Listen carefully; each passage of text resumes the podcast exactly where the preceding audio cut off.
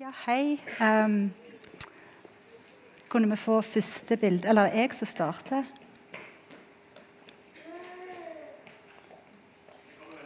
Det kommer snart. Det er bra. Oh, det er rart å stå her framme når jeg pleier å sitte bak det vinduet der. Skal vi se.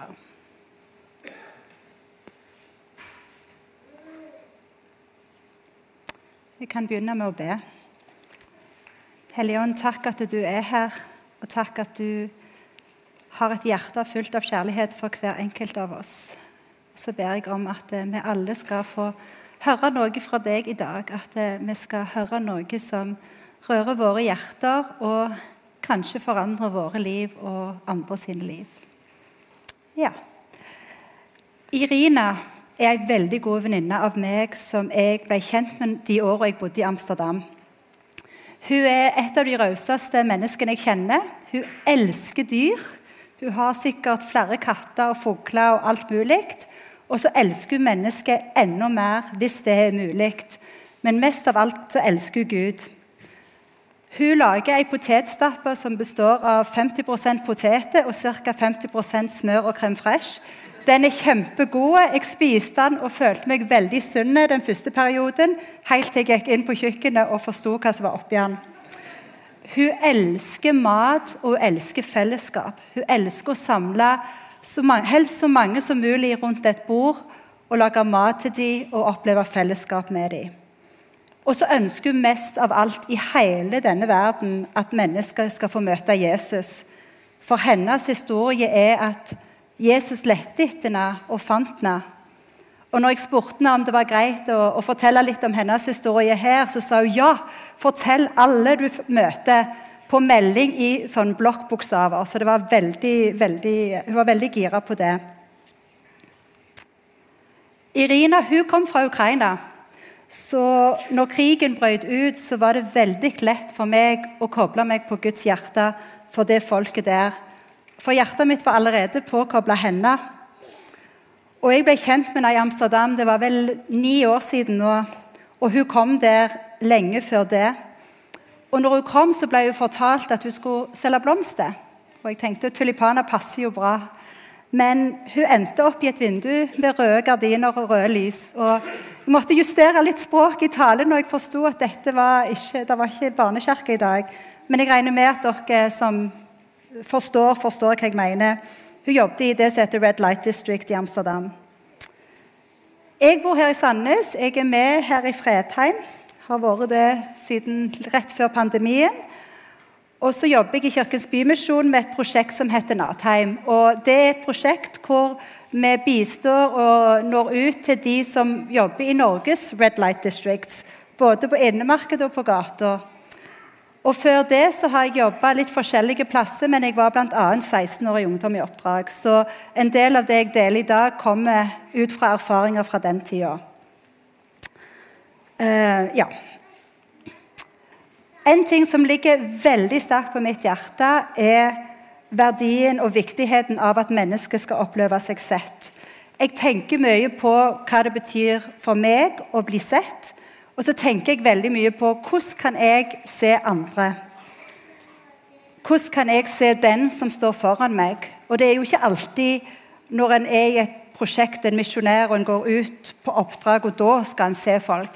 Vi, vi, jeg tenker vi er kalt til å se den som sitter i kassen på Rema, eller den som sitter ved siden av deg på et jobbmøte, eller kollegaen på lunsjrommet. Vi har alle enkeltmennesker i våre liv som vi kan se. Og Jesus han var kjempegod på å se mennesker. Han så dem på sitt beste og på sitt verste. Og så elsket han dem uansett så veldig, veldig vel. Og Irina hun er en av de som jeg har fått lov til å møte. og Jeg har fått lov til å se henne, jeg har fått lov til å være del av livet hennes. Og det har gjort meg rikere. Så da er spørsmålet mitt til deg hva gjør at du føler deg sett? Når du går vekk fra et menneskemøte og bare kjenner deg så verdifull og oppmuntra og bekrefta Du kjenner du har tro på deg sjøl, at den du er, er mer enn god nok. Hva er det den andre har sagt eller gjort eller vært mot deg som gjør at du går vekk og føler deg sånn? Hva er det som bygger deg opp? Og Midt i store folkemengder så, klarte jo Jesus til og med å se enkeltpersoner. Og Når jeg leser Bibelen, så er det av og til at jeg leter etter nøkler til hvordan kan jeg se menneskene som jeg møter. Hvordan kan jeg bli bedre på det? Så jeg tenkte jeg skulle dele noen av de nøklene som jeg har funnet. Jesus han var til stede og tilgjengelig. Han var der menneskene var. Og det er jo vi òg, regner jeg med. Vi er jo her. Og så er jo spørsmålet er vi tilgjengelige. For å være til stede og tilgjengelig jo, kan være det samme, men det er ikke sikkert det er det samme. Kanskje er vi tilgjengelige, eller kanskje ikke. Når jeg sitter på et fly, så er det ørepropper i ørene, boka foran meg. Jeg har jo gjerne folk kanskje av og til noen på begge sider, men jeg er jo ikke tilgjengelig. Jeg har jo kommunisert veldig tydelig til dem at jeg ønsker ikke å snakke med dem. Og så er det jo av og til de begynner å snakke med meg uansett, og da er jeg jo høflig, og så får jeg kanskje et godt menneskemøte. Irina møtte jeg første gangen på en kald desemberkveld. Jeg var sliten, jeg var frustrert, ting var tungt. Men det å gjøre oppsøkende i det distriktet som hun jobber i, det var del av, av jobben som som, i prosjektet i, med Ungdom i oppdrag. Så meg og kollegaen min Marlene vi sykla i motvind og sludd. Det er jo sykling som gjelder i Amsterdam. Og så kom vi jo endelig til hennes vindu, og hun hadde et vindu i andre etasje, så hun vinket oss opp. Og jeg visste allerede hvem hun var. Når vi gikk opp trappa, sier Marlene dette er hun vi har bedt for. For en av de tingene vi gjorde når vi, vi hadde prosjekt i Amsterdam, var at vi ba hver kveld vi ba faktisk mer timer enn vi var ute og besøkte kvinnene. Men når vi ba, så kobla hjertet seg på. Så selv om jeg aldri hadde møtt Irina før, så hadde jeg allerede kobla meg litt på Guds hjerte for henne. Så vi gikk opp, og hun er ei sånn sprudlende dame. Jeg er ganske rolig, men hun sprudler og sprudler. Og så kom jo samtalen ganske fort på Gud og religion, og hun snakket i vei, og jeg tenkte OK, hva hva er det som skjer? Hva er det jeg skal si? Og etter hvert så, så tenkte jeg litt så jeg lurer på om hun faktisk har gitt livet sitt til Jesus. Så jeg sier du, um, har du noen gang gitt livet ditt til Jesus? Nei, nei, nei, hva betyr det? Og så forklarte vi jo at Jesus kom og døde på korset og tok på seg alle syndene. Og at vi kan være rene, at vi kan være fri, sånn som vi, vi sang nå nettopp. Nei, det vil hun gjøre med en gang. Og da ble jo jeg litt sånn Oi, hvordan gjør vi det? Så, så vi gikk nå til bakrommet. Lang historie kort. Med, med Bamena. Hun ga livet sitt til Jesus. Og, og så klemte vi hverandre og, og, avtalte å møtes igjen. Og det som var en mørk, kald, litt sånn frustrerende kveld, ble plutselig fulgt med glede og takknemlighet. Og det ble jo starten på et vennskap som fortsetter den dag i dag. Så valget som jeg gjorde, det er jo ikke fordi jeg er noe spesielt god, men jeg valgte å gå ut den kvelden selv om jeg var frustrert, selv om jeg ikke var den beste versjonen av meg sjøl. Og det gjorde hele forskjellen i hennes liv. Og så er det det med identitet. For når Jesus møtte mennesker, så så han hvem de virkelig var. Han så ikke på omstendighetene. Han definerte de ikke ut fra merkelappene som samfunnet hadde satt på dem. Og I Markus 5 så står det om kvinnen som hadde eh, et problem med blødninger. Og sånn som jeg har forstått, Jeg er ikke noen teolog. I den tida og i det samfunnet så var du urein når du blødde. Så da måtte du isolere deg, eller du ble isolert fra samfunnet. Og så tenkte jo Hun hadde brukt alle pengene sine på behandling og prøvd alt. Og så hørte hun at Jesus skulle være i byen. Og så tenkte hun hvis jeg bare kan ta på kappen hans, så skal jeg bli frisk. Og så kan vi jo se for oss en folkemengde altså, Tenk 17. mai. Det er jo vanskelig å komme seg fram til å finne de vi kjenner på 17. mai. Og der hadde du en kjempesvær folkemengde. Mange flere folk enn det er i Sandnes på 17. mai. Og så klarte hun å kjempe seg fram og røre med en flik av kappen til Jesus. Og så står det at kraft gikk ut, og hun ble helbreda. Og så tenker vi å, ja, men så fint, det var jo kjekt. Hun, liksom, det er jo personlig, det som skjer med oss. Men Jesus han stopper alle, og så sier han liksom Hvem var det som tok på kappen min? Og så til slutt så sier jo hun jo liksom Det var meg. Og så blir jeg så rørt av måten Jesus snakker til henne foran alle andre. Han sier, 'Datter, din tro har frelst deg. Gå i fred og vær helbreda fra din plage.' Så det første han gjør, er at han bekrefter hennes identitet som datter. Og så bekrefter han at hun er frisk. At den sykdommen som har brakt så mye skam på henne, er vekke. Og så gjorde han det midt i folkemengden, og dette syns jeg er så sterkt. For det, hun hadde båret på en sånn offentlig skam, og nå fikk hun en offentlig gjenopprettelse som åpna mulighet for fellesskap. En dag så, så banka der ei unge jente i 20-årene på kontoret mitt i Stavanger. Og jeg åpna, og hun sto liksom med et lite visittkort fra, fra Natheim, fra Kirkens Bymisjon. Og så hadde hun så mye skam. Hun sa, Noen sa jeg kunne få hjelp her. OK, sier jeg. Kom inn. Og så gikk vi opp på Vi har ei nydelig stue som bare er så fredfull og nydelig å invitere folk inn i. Og hun ville ikke se meg i øynene. Hun snakket kun spansk. Og så tenkte jeg Oi, kjære tid. Du, det du jobber i, er ganske høy risiko uansett. Og hvis du ikke kan kommunisere, så må jeg i alle fall sikre at du har all den informasjonen og visdommen som du kan ha for å jobbe sikkert. Og så skjønner dere hva hun jobber med. Og så begynte jeg å prøve å, å fortelle litt om lover og regler. Og, og sånn, og så sa hun nei, nei, nei, jeg vil ikke snakke om det. jeg vil ikke snakke om Det Det var akkurat som hun bare ville å, hun ville ikke tenke på hva det var hun jobba i. Og så tenkte jeg ok, hva gjør jeg nå? Og så satt vi der i stua og drakk te og prata. Og så fikk hun fortelle litt om at hun hadde studert noe. Jeg husker ikke hva det var. og hva hun var interessert i, at hun hadde noen brødre og en mor i hjemlandet. og Og da merka jeg jo på hele kroppsspråket at hun slapp av, og at hun åpna seg opp. Og I bakhodet mitt så tenkte jeg men jeg må jo fortelle henne hvordan hun kan være trygg. Så etter hvert som vi kom til slutten av samtalen, så, så, jeg til, så jeg henne i øynene og så sa jeg, vet du hva? Jeg trenger å snakke litt med deg om jobben din. For jeg er bekymra for deg, og det er viktig for meg at du er så trygg. Men, fortsatte jeg, jobben din definerer deg ikke. Og så kunne jo jeg si tilbake til henne alle de tingene hun hadde fortalt om seg sjøl. Og hun kom, for hun ønsket jo at vi skulle kunne hjelpe henne ut i en jobb. Dessverre så kunne vi ikke det, for hun, hun var ikke fra Europa. Men så når hun skulle gå, så sier jeg oh, beklager, jeg hadde ingen løsning til deg. Da. Beklager at jeg ikke kunne hjelpe. Og så sier hun til meg men du har gjort alt. Tusen takk for praten. Takk for at du lytta. Og så skulle vi klemme. Så sier hun kan jeg få en klem. Jeg bare ja, du kan få en klem.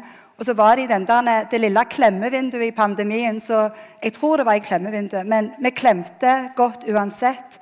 Og så gikk hun.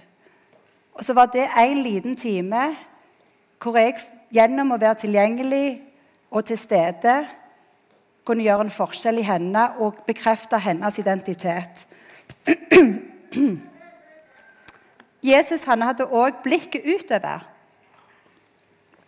og oppover. Jeg synes Historien om Sakkeus er så nydelig. og Det er, det, møte, det er en historie om hvordan det å møte Jesus forandrer alt. Um, det handler jo om Sakkeus, som var en sånn liten eh, innekrever. Jeg er ikke så høy sjøl, så jeg skjønner godt at han måtte opp i et tre for å se Jesus. Og så hadde han klatra opp i et tre for å se. Og når Jesus kom til den plassen, så så han opp. Og så sier han, fester han blikket, står det, og så sier han, 'Sakkeus, skynd deg å komme ned, for i dag så må jeg ta inn i ditt hus.' Og så skyndte Sakkeus seg og kom ned og tok imot Jesus med glede. Og her er det jo veldig mange ting, mange nøkler, vi kan bruke når vi møter folk. Verdien av å huske navn og bruke det. Det er en av måtene som jeg føler meg sett. Og Nå er det ingen press på dere å huske hva jeg heter. Men når noen bruker navnet mitt og sier 'Hei, Elisabeth', så gjør det noe med meg. Jeg trener jazzercise sammen med noen av dere her i, i, menigheten. Og når jeg kommer inn der, og de sier 'Å, hei, Elisabeth, så godt å se deg', det gjør noe med meg. Det er akkurat som jeg blir litt overraska av at noen skal huske meg. Og det vet jeg ikke helt hva det handler om. Stort sett så er jeg òg ganske, ganske flink til å huske navn. og jeg husker jeg jobba en periode i Brasil med gatebarn og inn i fengslene. og Da møtte jeg jo på mange av disse her tøffe tenåringsguttene. Og, og så var det jo mange av de som gikk fra fengsel til fengsel. Livet ble ikke helt eh, Kom aldri helt på stell. Og når jeg da kunne si 'Oi, Markus, er du her nå?' liksom, 'Hadde du lyst til å besøke dette fengselet?' Og de bare ble litt sånn 'Hæ? Husker du navnet mitt?' Plutselig så hadde de en verdi, og så var de ikke bare en av mengden. Så det å huske navn er en, en god måte å gjøre at noen føler seg sett. Men det er ikke den eneste måten, så ikke fortvil hvis du ikke er god på navn. um, ja. Og så inviterte Jesus seg sjøl inn i fellesskap. Når han sa til Sakkeus 'Jeg vil bli med deg hjem', så ble Sakkeus uendelig glad. Og så vet vi jo, vi som har lest historien, at det gjorde jo at Sakkeus forandra på alle de der Hele livsstilen og hele måten han gjorde jobben sin på, ble jo forandra etter at Jesus hadde vært hjemme hos han. Men det, det å føle at noen ønsker å være sammen med meg, det gir glede. Ikke at 'Å, jeg, nå måtte jeg være sammen med deg'. Men det at jeg ønsker å være sammen med deg, det gjør at du føler deg sett, og at jeg føler meg sett. Så fellesskap er viktig. Det å gi opplevelsen av at vi, vi ønsker å være sammen med.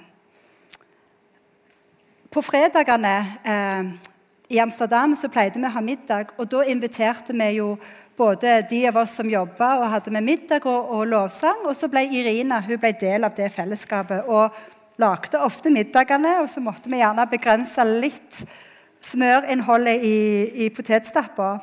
Men i de middagene så delte vi Gud, og så delte vi liv. Og etter noen uker på middag så sier hun i dag er mitt siste dag i vinduet.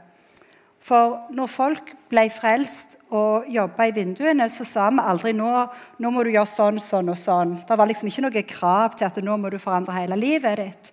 For vi vet at det, når vi, når vi, lar Gud komme inn i livene våre, så er det han som tar oss på den forandringen.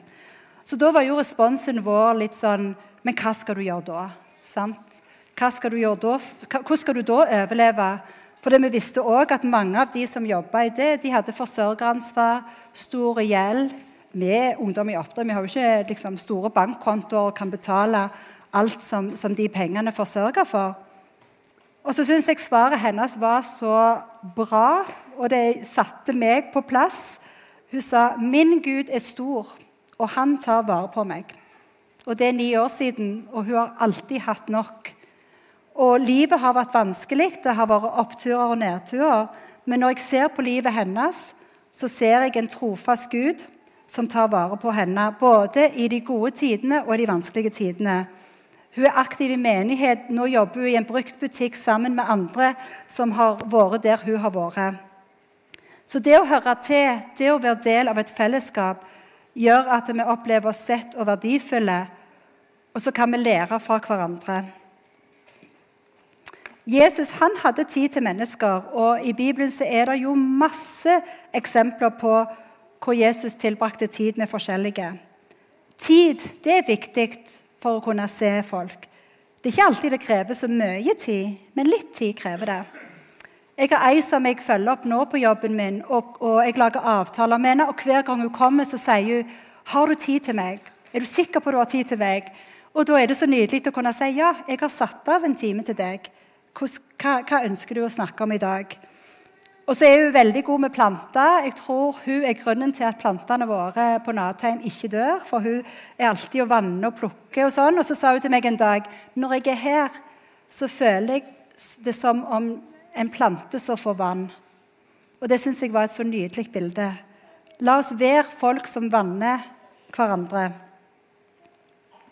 Jesus han følte med. Han viste empati og følelser. Og det betyr ikke at nå trenger vi alle å bli sånn superemosjonelle eh, personer. Men han var ikke redd for å vise det han følte, når han følte det. Og etter at Lasarus hadde dødd eh, Lasarus og Maria og Martha, søsknene som var gode venner av Jesus, så kom han jo til dem, og så står det i Johannes 11 Da Jesus så henne, Maria, og jødene som kom sammen med henne, gråte, så ble han opprørt i ånden og beveget. Og så sa han, 'Hvor har dere lagt ham?'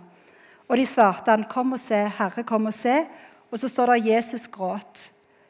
Og han grein jo ikke fordi han ikke visste altså Jeg tenker jo litt sånn at Jesus visste jo hva som skulle skje. Samtidig så var han jo menneske og visste det som han visste nå. Men Lasarus skulle, skulle jo bli reist opp fra døden og få liv igjen. Men der og da så gråt Jesus sammen med dem i sorg over Lasarus som var død. Så han kjente på følelser, og så viste han følelser. Og så opp, tror jeg de opplevde at han var sammen med dem, og at han så dem. Og så er det et vers i Jobbs bok, og, og Jobb han var jo en som hadde masse kriser, og det var masse, han hadde en kjempeutfordrende situasjon. Og så står det om vennene hans i kapittel 2 at de satte seg ned på jorda sammen med ham i syv dager og syv netter, og ingen sa et ord, for de så at lidelsen var meget tung. Og det er ikke alltid vi trenger å si så mye når vi er til stede med mennesker. Av og til kan tilstedeværelsen si mye mer enn ord kan si. Og Jeg hadde ei som kom til meg på jobben en gang. og med, var, Livet var egentlig ganske greit. Hun var på veien i jobb, hun hadde fått seg leilighet. Og så satt vi og snakket, og, og det var egentlig en ganske grei samtale. Og så sier hun til meg Elisabeth, er det greit om jeg griner. Og jeg bare Ja, liksom, det, jeg er ikke redd for at folk griner. Og så bare begynte hun å grine. Og hun liksom hulka i sikkert 10-15 minutter. Det var ikke sånn at jeg tenkte her, nå, nå går det for langt. Men det var liksom bare en sånn dyp gråt, og tårene rant. Og jeg henta på noe sånn tørkepapir. Og så når hun var ferdig med det, så var hun sånn åh, takk. Jeg har ingen jeg kan grine med. For det er ingen i nettverket sitt som hun følte hun kunne grine sammen med. Og det eneste jeg gjorde, var å si OK. Og så tenker jeg Del av å, å være til stede for mennesker er å tåle mørket Å tåle de der vanskelige situasjonene. Tåle å være sammen med dem. Og det gir verdi. Det gir verdi til deres opplevelse. Og så har jeg vært litt engasjert i Kirkens SOS. Det, jeg synes de, de, gjør en fantastisk jobb. Og når de kurser folk, så snakker de om brevsprekkperspektivet. Nå fant ikke jeg noen gode brevsprekk, men jeg tenkte dette hullet i veggen illustrerer det. at eh, vi ser kun brevsprekken. Vi ser, jo, vi ser jo ikke hva som skjer ut forbi det vi ser. Og viktigheten av å ikke anta noe om noen. Når jeg kommer opp her, for dere som ikke kjenner meg, så tenkte sikkert ikke dere å, hun har sikkert bodd i Brasil. sant? Snakker norsk, er fra Sandnes, blond, blåøyd. sant? Det å, det å bare være klar over at vi vet ikke hele bildet. Og så kan vi undre oss og så kan vi stille spørsmålet. Men så er det så viktig å huske at vi er gjester i folk sitt liv. Ikke bus inn i stua hvis noen har snakker med deg på, dør, på dørstokken. La de få invitere deg inn i det som gjerne er litt mer personlig. Men så kan jo vi gjennom å stille spørsmål si vi har lyst til å bli kjent med deg. Vi har lyst til å vite mer om deg. Og så gjør det en utrolig forskjell å bli lytta til. At når vi lytter til noen, at vi kanskje prøver å ikke tenke på hva vi skal si. For ofte når jeg er i en samtale, så er jeg veldig opptatt av å formulere det som jeg har lyst til å si, igjen tilbake til personen. Men det å bare lytte og ta imot, det gjør at du føler deg sett. Og så har du det om å lytte til det som ikke blir sagt. Jeg husker jeg var, um, var, på besøk i et vindu i Amsterdam, og vi snakket om Gud. Og så sier hun som sto i vinduet i sin arbeidsuniform, så sier hun ja, men Gud aksepterer ikke denne jobben. Og da visste jo jeg Der og da så var jeg litt sånn Å, Hellig Ånd, hva sier jeg nå? Men jeg visste at det var ikke, hun inviterte ikke til en samtale rundt etikken og Guds syn på hennes jobb. Det hun egentlig sa, var Gud aksepterer ikke meg når jeg står her. Og Da kunne jeg si til henne, og jeg bare kutta ut hele diskusjonen rundt jobben, så sa jeg ja, men Gud aksepterer deg, og han elsker deg. Og Så fikk, gikk vi videre på vår vei, men jeg håper at hun tok imot det budskapet. At Gud aksepterer oss uansett. Så det er jo veldig mye mer en kan si om det å se folk, men jeg har lyst til å snakke litt om kapasitet. For jeg sier ofte til meg sjøl og til andre jeg har ikke kapasitet. Livet er travelt. Kanskje jeg har tid, men jeg har ikke overskudd. Og så har jeg kanskje nok med meg sjøl, og det har sikkert dere òg. Nok med alt som følger livet, både frivillig og ufrivillig. Og hvordan skal vi da klare å se andre?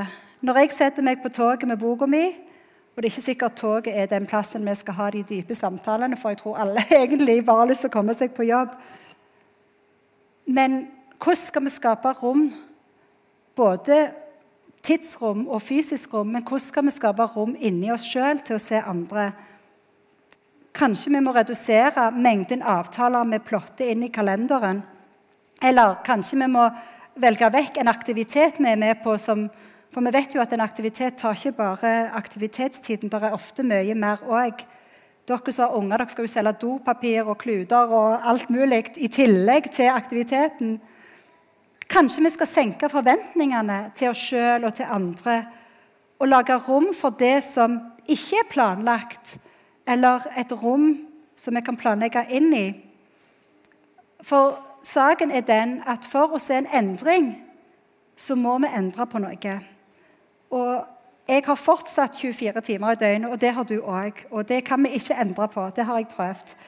Um, og så er kapasitet både det å fjerne på ting og skape plass.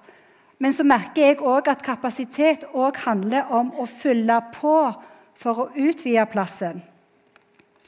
Og Jesus han var jo veldig påkobla Gud. og han stakk opp på fjellet ofte. Det står ikke så veldig mye i Bibelen om hva han gjorde og snakket med Gud om på fjellet. Men jeg tror at det var der han møtte med Gud, og jeg tror det var hans ladestasjon. Og så vet vi jo at Av og til så hadde han trukket seg vekk, og så kom folket etter han, og, så, og hele den der dynamikken. Og det skjer jo med oss òg. Men jeg tror at mye av svaret på å få mer kapasitet handler om å være påkobla Påkobla Guds sitt hjerte for de rundt oss, og påkobla ikke minst Guds hjerte for oss sjøl. For det tar uendelig mye, veldig mye energi å være usikker på seg sjøl. Det, det, det, er jeg et, si, et vitne til. For når vi vet at vi er elsket av Gud, når vi elsker Gud og vet at vi er elsket av Gud, så flyter det over. Det, du trenger ikke prøve engang. Det bare skvulper over. Så er jo da spørsmålet til deg hvor er din ladestasjon? Dette, jeg tror det er Hellestadstranda. Det er en av mine ladestasjoner. Og så er det ikke alltid jeg kommer meg ut til havet, men når jeg er med havet, så Da kan jeg puste. Og så kan jeg òg ha en ladestasjon i gyngestolen hjemme. Eller når jeg eh, går til toget tidlig på morgenen. Og så er det jo ganger hvor vi ikke har mer å gi. Og vi har ikke mer kjærlighet, og vi kjenner at frustrasjonen der er, Tålmodigheten er slutt. Kreftene er slutt. Og da er det jo et svar, for det at vi kan be om å få mer kjærlighet. Og jeg elsker Johannes 16. Det, Johannes 17 er liksom der Jesus går på korset. Og jeg elsker at i Johannes 16, liksom den siste liksom, offentlige bønnen som Jesus ba, handla om at han ba for oss. Og så sier han, 'Jeg har gjort ditt navn kjent for dem, og skal fortsatt gjøre det,' 'sånn at den kjærligheten som du har hatt til meg, kan være i de, og jeg sjøl kan være i de.' Og Dette var det som Jesus ba. Han ba om at i meg og i deg så skal den samme kjærligheten som far og sønn har mellom seg, være. Og jeg tenker Det er ganske mye kjærlighet, og sikkert for mye til at jeg kan romme men vi kan be om å få den. Og så har vi jo hørt ganske mye om kjærlighet fra Runar de siste ukene. og Jeg syns 1. Korinterbrev 13 Les det, og tenk på hvordan du kan se andre i lys av det. Så da er jo spørsmålet til deg hva er det som tar opp plass? Det kan være gode ting, men hva, men hva, liksom, hva, skulle, hva kunne du rydde vekk? Eller rydde mindre? Og hva skaper kapasitet for deg? Jeg er introvert. Jeg er en utadvendt introvert. Og hvis jeg er med masse folk lenge, så må jeg på lading. Da merker jeg at da visner jeg litt. Og så må jeg trekke meg tilbake og bare være litt alene. Og liksom litt med Gud, men òg bare være alene uten andre folk. Og så så er jeg opplada. Det var noen som sa til meg en gang du må ikke la, må ikke la deg sjøl komme eh, under 30 vi har jo mobilene. Hvis de, hvis det begynner å, å, gå ned, ned mot 30-20% så er vi raske med å lade dem, for vi vet jo at, hva som skjer hvis han blir utlada. Da blir det fort litt krise. Og så er jo invitasjonen til oss alle å se den ene. Kanskje legge ned mobilen en gang, eller legge den på lydløst. Løfte blikk og se folk i øynene. For vi kan alle se noen. Vi kan ikke alle se alle, men alle kan se noen. Og vi trenger ikke alltid lete etter noen å se, for vi har jo folk rundt oss. Så det er invitasjonen. Og så det å skape mer kapasitet. Det er ikke sikkert du trenger å endre på så veldig mye i første omgang, men en, gjør en liten endring. Både for din egen del, men òg for den andre sin del. Og så har jeg lyst til å avslutte med en siste liten opplevelse. For en del år siden så var jeg jeg tror det var en gudstjeneste eller et møte eller et bønnemøte. Og Så kom jeg i snakk med hun som satt ved siden av meg, ei som jeg ikke kjente. Men jeg tror det var i USA, og der er de jo kjempegode til å snakke med hverandre. sant? Og så småsnakket vi litt, og jeg tror jeg fikk be for henne. og liksom, Tida gikk. Og så, når vi, når vi var ferdige, så stakk hun til meg en liten papirlapp og gikk av gårde. Og så når jeg da leste så åpna jeg lappen, og så står det Jeg hadde tenkt å ta livet mitt i dag. Men etter at du prata med meg og ba for meg, så har jeg lyst til å leve det livet som Gud har for meg. Et kort, lite møte som gjorde hele forskjellen for henne. Så tenker jeg, Da kan jeg bare komme be en bønn til avslutning. Takk, Jesus, at du bruker oss til å være dine øyne og din munn og dine hender. Takk at eh, du kan bruke oss til å gjøre en stor forskjell på liten tid. Og så ber jeg om at du velsigner oss alle som er her i dag, til å kunne være dine øyne, til å kunne se de du setter rundt oss, og til å kunne se oss sjøl sånn som du ser oss sjøl. Jeg ber om mer kapasitet, at du gir oss visdom og vilje og ønske om at livene våre skal bli mer og mer sånn som du ønsker at de skal være. Og så ber jeg om din fred, Herre. Takk at du er en Gud som gir fred, at du bevarer tanker og hjerter med din fred. At det å se folk og, og bli sett skal ikke være stress og krav, men at det skal komme fra den, den påkobla fredens plass. I Jesu navn. Amen.